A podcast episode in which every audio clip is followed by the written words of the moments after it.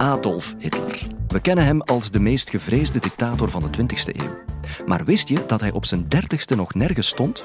Geen geld, geen carrière en geen politieke connecties. Hoe is hij in hemelsnaam dan kunnen opklimmen tot leider van een machtig rijk? Politicoloog en Duitsland-connoisseur Dirk Rochtus geeft antwoord op de vraag hoe kon een loser als Hitler zo populair worden? Dit is de Universiteit van Vlaanderen.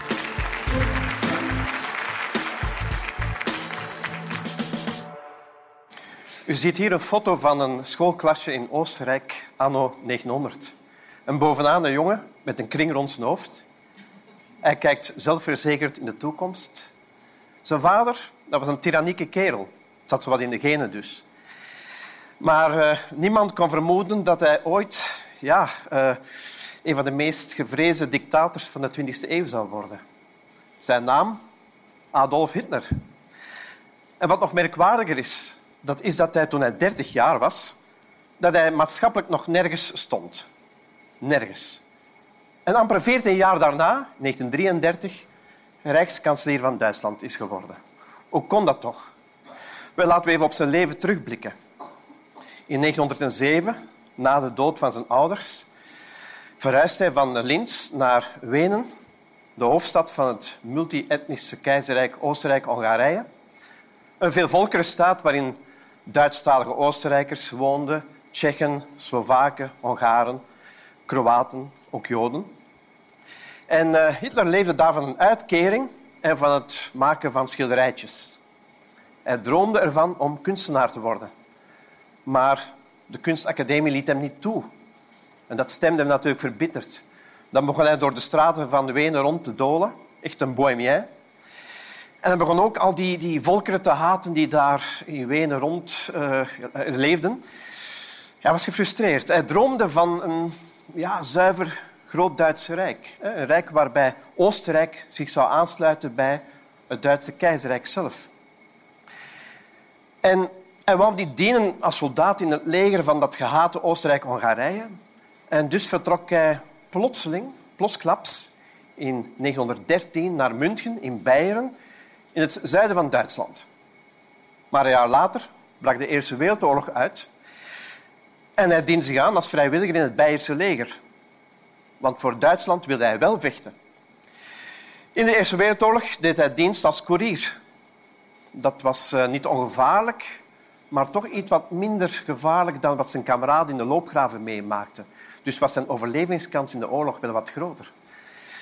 En op het einde van de oorlog, als Duitsland verslagen is, iedereen keert terug naar het vaderland. Hoewel Hitler eigenlijk nog een Oostenrijk staatsburger was, bleef hij in Duitsland. De meeste van zijn kameraden gingen terug in het burgerlijke leven, maar hij zelf, hij was in 1919 30 jaar, ja, hij had geen beroep, hij had niet gestudeerd, hij had geen vrienden, nauwelijks familie.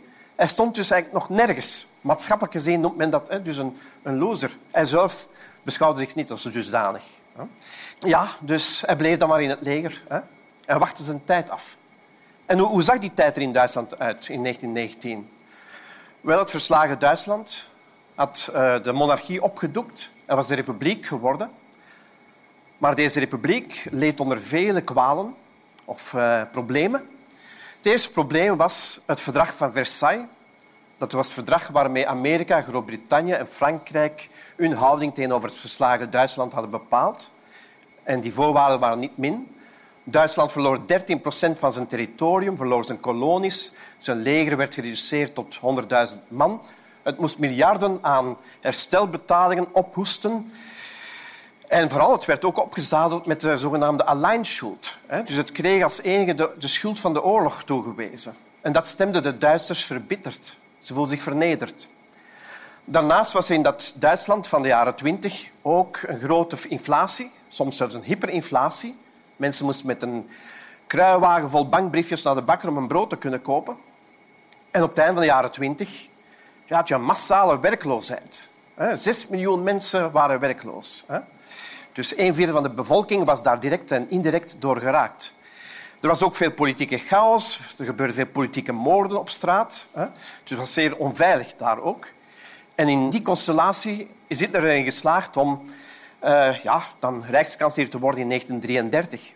En hoe heeft hij dat precies aangepakt? Wel, hij heeft veel kansen gekregen. Dat heeft hij ook met beide handen aangepakt. Hij heeft ook een paar keer domweg geluk gehad. En zonder dat geluk zouden we nooit van hem gehoord hebben. Ik som het eventjes op. De eerste kans, dat was in september 1919 in München. Toen hij in een café een vergadering bijwoonde van de Duitse Arbeiterpartij, DAP. Een ja, eerder extreemrechtse nationalistische beweging. En op een bepaald moment staat er iemand op hè, die zegt van... Ja, Beieren moet zich afscheuren van Duitsland en moet bij Oostenrijk. Maar Hitler, een groot Duits nationalist, is daar natuurlijk niet mee akkoord en houdt een vlammende reden daartegen. En de voorzitter van die DAP was zo enthousiast over hem dat hij hem vraagt om lid te worden van dat kleine partijtje. En Hitler hapt toe. Achteraf schrijft hij in Mein Kampf... Ja, ik heb die avond ontdekt dat ik renaarstalent heb. En uh, enkele maanden later is hij een van de kopstukken van dat kleine partijtje dat hij omdoopt in Nationaal-Socialistische Duitse Arbeiterpartij, de NSDAP. En zo gaat het verder. Hij begint zijn carrière in München te ontwikkelen. Maar hij heeft ook geluk. Op 9 november 1923 pleegt hij een putsch in München. Met een staatsgreep wil hij eh, van München naar Berlijn marcheren en daar de macht overnemen, over heel Duitsland. Die putsch is mislukt. U zal zich afvragen, wat heeft dat met geluk te maken? Wel, tijdens die putsch is het tot een uh, vuurgevecht gekomen met de politie. En zijn medestander, en ze waren in elkaars armen gehakt, hè, die valt dodelijk getroffen op de grond en sleurt hem mee op de grond. En daardoor overleeft hij de kogelregen. Eén centimeter verschil en hij was er niet geweest. Hij wordt later uh, opgepakt en er wacht hem een proces. Normaal gezien zou dat in Leipzig moeten plaatsvinden bij het Rijksgericht. Weer al geluk dat dat niet in Leipzig plaatsvindt, maar in München. Want mocht het in Leipzig plaatsgevonden hebben, dan was hij bij een veroordeling voor oogverraad ja, het land uitgewezen, want hij was nog altijd Oostenrijkse staatsburger. Maar nee, het vond plaats in München. En de rechters waren hem daar wel genegen. Hij werd veroordeeld tot een gevangenisstraf van één jaar in Landsberg. En die gevangenis, ja, eh, dat was eerder een hotel te noemen. Politieke gevangenen genoten toen wel een zekere voorkeursbehandeling. Uh, zij konden vrienden en familie uh, en sympathisanten ontvangen, zoals u hier ziet. Dat is echt bijna een hotel. Hij kon boeken lezen, à volonté, en zelf een boek schrijven ook. Mijn Kampf namelijk. Hm? Ja, en wat nog een geluk was, dat was dat dat proces hem beroemd gemaakt heeft in heel Duitsland. Iedereen kende hem nu en vele Duitsers begonnen in hem nu een soort messias te zien. Iemand die het land uit de nood zou redden. En zo begon zijn carrière verder te lopen. Hm? En nog een geluk heeft te maken met Geli Raubal, zijn nichtje. Eigenlijk eerder een tragisch verhaal. Hij woonde samen met zijn nichtje, Geli, in München, in een appartement. Het levenslustige meisje leed onder de tyrannieke aanvallen van haar oom. En op een dag, september 1931, wordt ze dood aangetroffen in het appartement. Zelfmoord of moord? Niemand weet het. Maar hij kwam terecht, Hitler dus, in een mediastorm, twee weken lang. Maar uiteindelijk is die storm overgewaaid. Hij had het weer overleefd. Vandaag de dag zou zoiets niet meer kunnen met een politicus die in zo'n schandaal terechtkomt. Nog kansen die hij kreeg. Op 30 januari 1933 wordt hij benoemd tot rijkskanselier. Hoewel zijn partij, de NSDAP, bij de verkiezingen van november 1932 achteruit was gegaan. Die was gezakt van 37 naar 33 procent. Dat was eigenlijk een zware klap voor een partij die het winnen gewoon was. Maar ja, de conservatieve politici zeiden van we moeten hem in onze regering opnemen. We noemen hem dan wel kanselier. Want zo kunnen we de communisten beter bestrijden en orde op zaken stellen. Maar we zullen hem wel temmen. We zullen hem wel in bedwang houden. Maar dat is natuurlijk niet gelukt. Want hij had weer een kans. Eind februari 1933 brandt de Reichstag, het parlementsgebouw in Berlijn. Niemand weet wie de brand heeft aangestoken. Waren het de nationaal-socialisten van Hitler of niet? Eh, historici discussiëren nog altijd daarover. Maar Hitler zei, nee, het zijn de communisten, die hebben dat gedaan. En hij heeft dan de noodtoestand laten uitroepen. En op die manier de communisten beter kunnen vervolgen. En hij heeft zich ook beter kunnen voorbereiden daardoor op de verkiezingen, nieuwe verkiezingen, op 5 maart 1933, waarmee hij zijn gezag wilde legitimeren. En hij heeft die verkiezingen met 51 procent gewonnen. Hij had ook een kartelpartner, een kleinere partij, die mee uh, hielp. Een nipte meerderheid, maar wel een absolute meerderheid. En dan enkele weken later heeft hij de volmachtenwet laten goedkeuren, waardoor hij buiten het parlement kon regeren en dus alle tegenstanders kon vervolgen en politieke partijen kon laten verbieden. Zo gaat het voort. Dan heeft hij weer geluk. Augustus 1934, de oude rijkspresident Paul van Hindenburg legt er het bijltje bij neer. De man was hoogbejaard, sterft. En wat doet Hitler? Hij schaft de functie van president af en noemt zichzelf nu Führer und Reichskansler. Dat wil zeggen dat hij in zijn eigen persoon de functies van staatshoofd en regeringsleider verenigde. Dus hij had de totale macht vanaf 1934. En dan heeft hij zich natuurlijk populair weten te maken. Hij heeft aan die populariteit verder gebouwd door de economie ja, te verbeteren en, en, grote werken te laten aanleggen. En ook door Duitsland weer uh, ja, uh, zijn oude macht uh, weer te geven. Dat heeft hij gedaan door hè, op expansietour te gaan. Hè. Een paar jaar later heeft hij Oostenrijk ingelijfd en dan daarna Tsjechië. Maar ja, daarmee heeft hij natuurlijk de weg naar de Tweede Wereldoorlog geplaveid.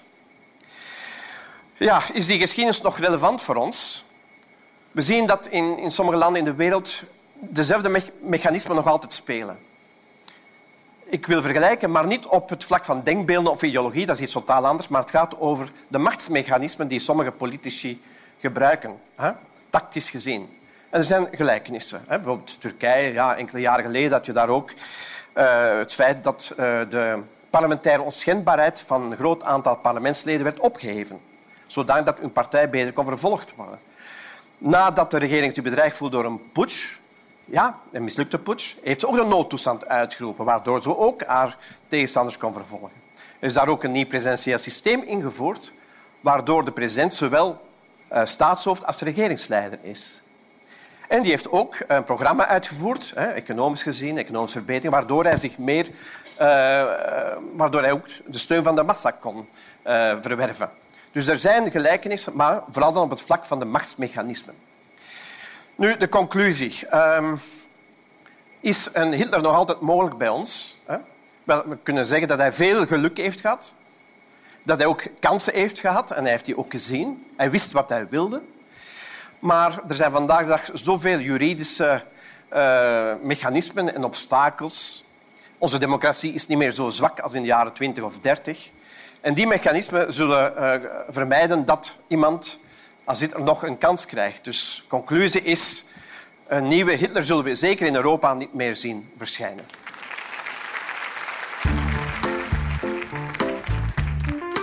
Meer weten over geschiedenis en de Tweede Wereldoorlog? Luister dan zeker ook naar professor Herman van Goetem en stel jezelf vragen bij ons collectief verleden in de podcast Hoorde België tijdens de Tweede Wereldoorlog wel echt bij de geallieerden? Of vraag je jezelf wel eens af of er ooit een derde wereldoorlog komt? Luister dan naar de podcast van islamoloog Amr Riyad. En wil je er nooit meer een missen? Abonneer je dan op onze podcast.